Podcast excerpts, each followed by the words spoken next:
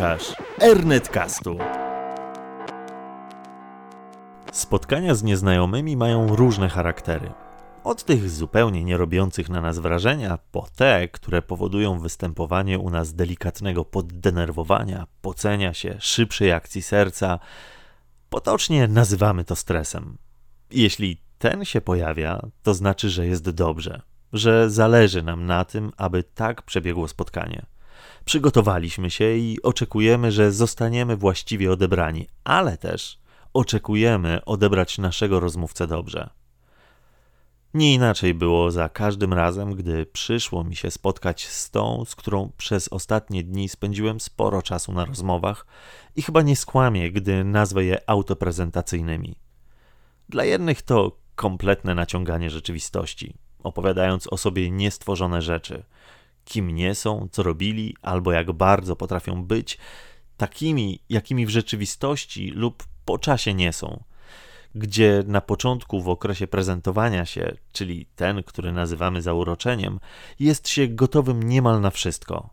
Ale gdy poziom fenyloetyloaminy opadnie, pokazujemy często swoje prawdziwe ja, które gryźć się może z tym drugim ja. To nie wina internetu, gdzie możemy powiedzieć o sobie wszystko i ponad to. Wiemy dziś, że to czysta chemia, reakcja zachodząca w mózgu. Dlatego dużo prawdy jest w starym powiedzeniu, że gdy budzi się miłość, zasypia rozum. Cała sztuka polega na tym, aby zrozumieć działanie tego fenomenu, nie opierać się mu, ale mieć jego świadomość przez cały okres jego trwania, a więc mieć oczy szeroko otwarte. W ten sposób możemy uchronić się przed tym, że kiedy opadnie ta kurtyna, nie zaczniemy sobie skakać do oczu, kiedy niby i nagle zacznie nam coś przeszkadzać w drugiej osobie. Słyszałem i sam przeżywałem określenie związane z docieraniem się. Dziś już wiem, że to raczej między bajki można włożyć, bo skoro trzeba się docierać, to znaczy, że coś nas boli, gdy przykładamy się do tej drugiej osoby. Czasem trzeba też iść na trudne kompromisy, a w świecie na szybko i już niektórzy nie mają na to czasu i stawiają warunki. Albo mój, albo nic. W takich okolicznościach trudno o sprawnie działające tryby. Same kompromisy też nie brzmią dobrze, bo te oznaczają, że każdy z nas musi coś stracić na rzecz drugiej osoby. Jeśli potrafimy pogodzić się z ich utratą, to jeszcze pół biedy. Ale kiedy dotyczy to rezygnacji z naszych pasji, tu nie ma zamiennika. Nikt nie sprawi, że będziemy szczęśliwi, gdy zabierze nam całą przyjemność z tego, co do tej pory robiliśmy na rzecz innej. Bo do tej naszej zawsze będzie nas ciągnęło. Pewnie nie jeden głos się odezwie, mówiący sobie pod nosem, że przecież wiele osób zamieniło swoje życie na życie dla drugiej osoby. Pewnie tak, tylko pytanie, ile osób się na to odważyło?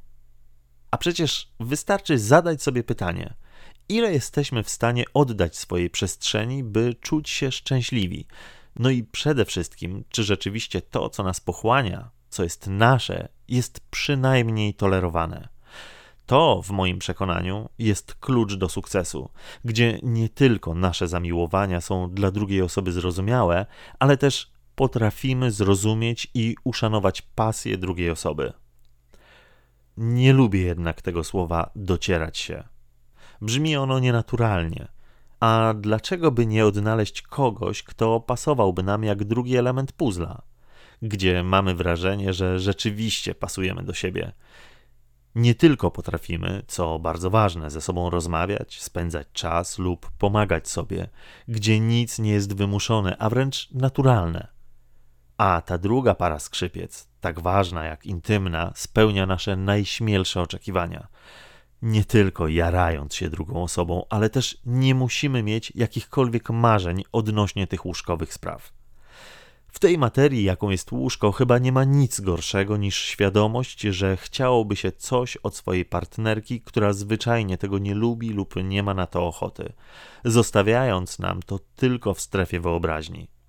Bo to przecież dość istotny element, który musi też ze sobą pasować, bez którego dalsza i wspólna podróż może być zwyczajnie trudna. to właśnie i tu musi pasować wszystko jak w układance. Bez dwóch zdań i my musimy być gotowi, by dać jej to, czego od nas oczekuje. Nie uzyskamy więc odpowiedzi na te wszystkie pytania na pierwszym spotkaniu. Żyjemy więc nadzieją, że w chwili, gdy nie mamy ochoty odwrócić się na pięcie, a stawiać ją równo z nią, idąc bez określonego celu, czy właśnie do miejsca, w którym możemy spokojnie porozmawiać, będziemy powoli odkrywać te wszystkie karty. A co jeśli, odkrywając je, zaczniemy zdawać sobie sprawę z tego, że wiemy, jaki będzie jej awers? to w moim przekonaniu moment, w którym zdajemy sobie sprawę, że po wszystkich porażkach, które mieliśmy na drodze, bo o sukcesach nie ma mowy, skoro znaleźliśmy się przy kolejnej talii kart, możemy spokojnie wrócić do słowa układanka. To przecież nasze porażki sprawiły, że staliśmy się ukształtowani, że wiemy, czego szukamy, czego oczekujemy i jak wiele jesteśmy w stanie z siebie dać, a co zachowamy dla siebie i za żadne skarby nie oddamy. W takiej sytuacji trudno powstrzymać się od powiedzenia, że osoba, przed którą siedzimy lub patrzymy jej w oczy już kolejny raz, jest właśnie tą, na którą czekaliśmy.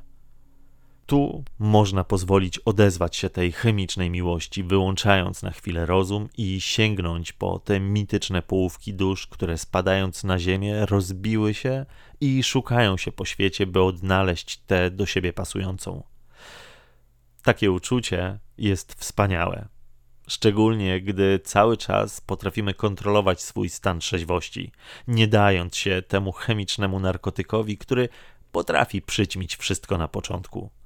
Szczególnie wtedy powinny zapalić się nam te wszystkie lampki kontrolne informujące nas o tym, że to jest właśnie ten czas, aby tego zwyczajnie na świecie nie zepsuć. To jest ten moment, który wymaga od nas sięgnięcia wstecz pamięcią i przypomnienia sobie, a także przeanalizowania tego wszystkiego, co sprawiło, że mamy na koncie porażki. To nie tylko nie jest niełatwa sprawa, bo przecież nie można w prosty sposób porównać kogoś do drugiej osoby. Dlatego największą tu trudnością jest ocenić samego siebie. Nikt tak dobrze nie zna nas, jak my sami. Od tych dobrych i tych złych stron.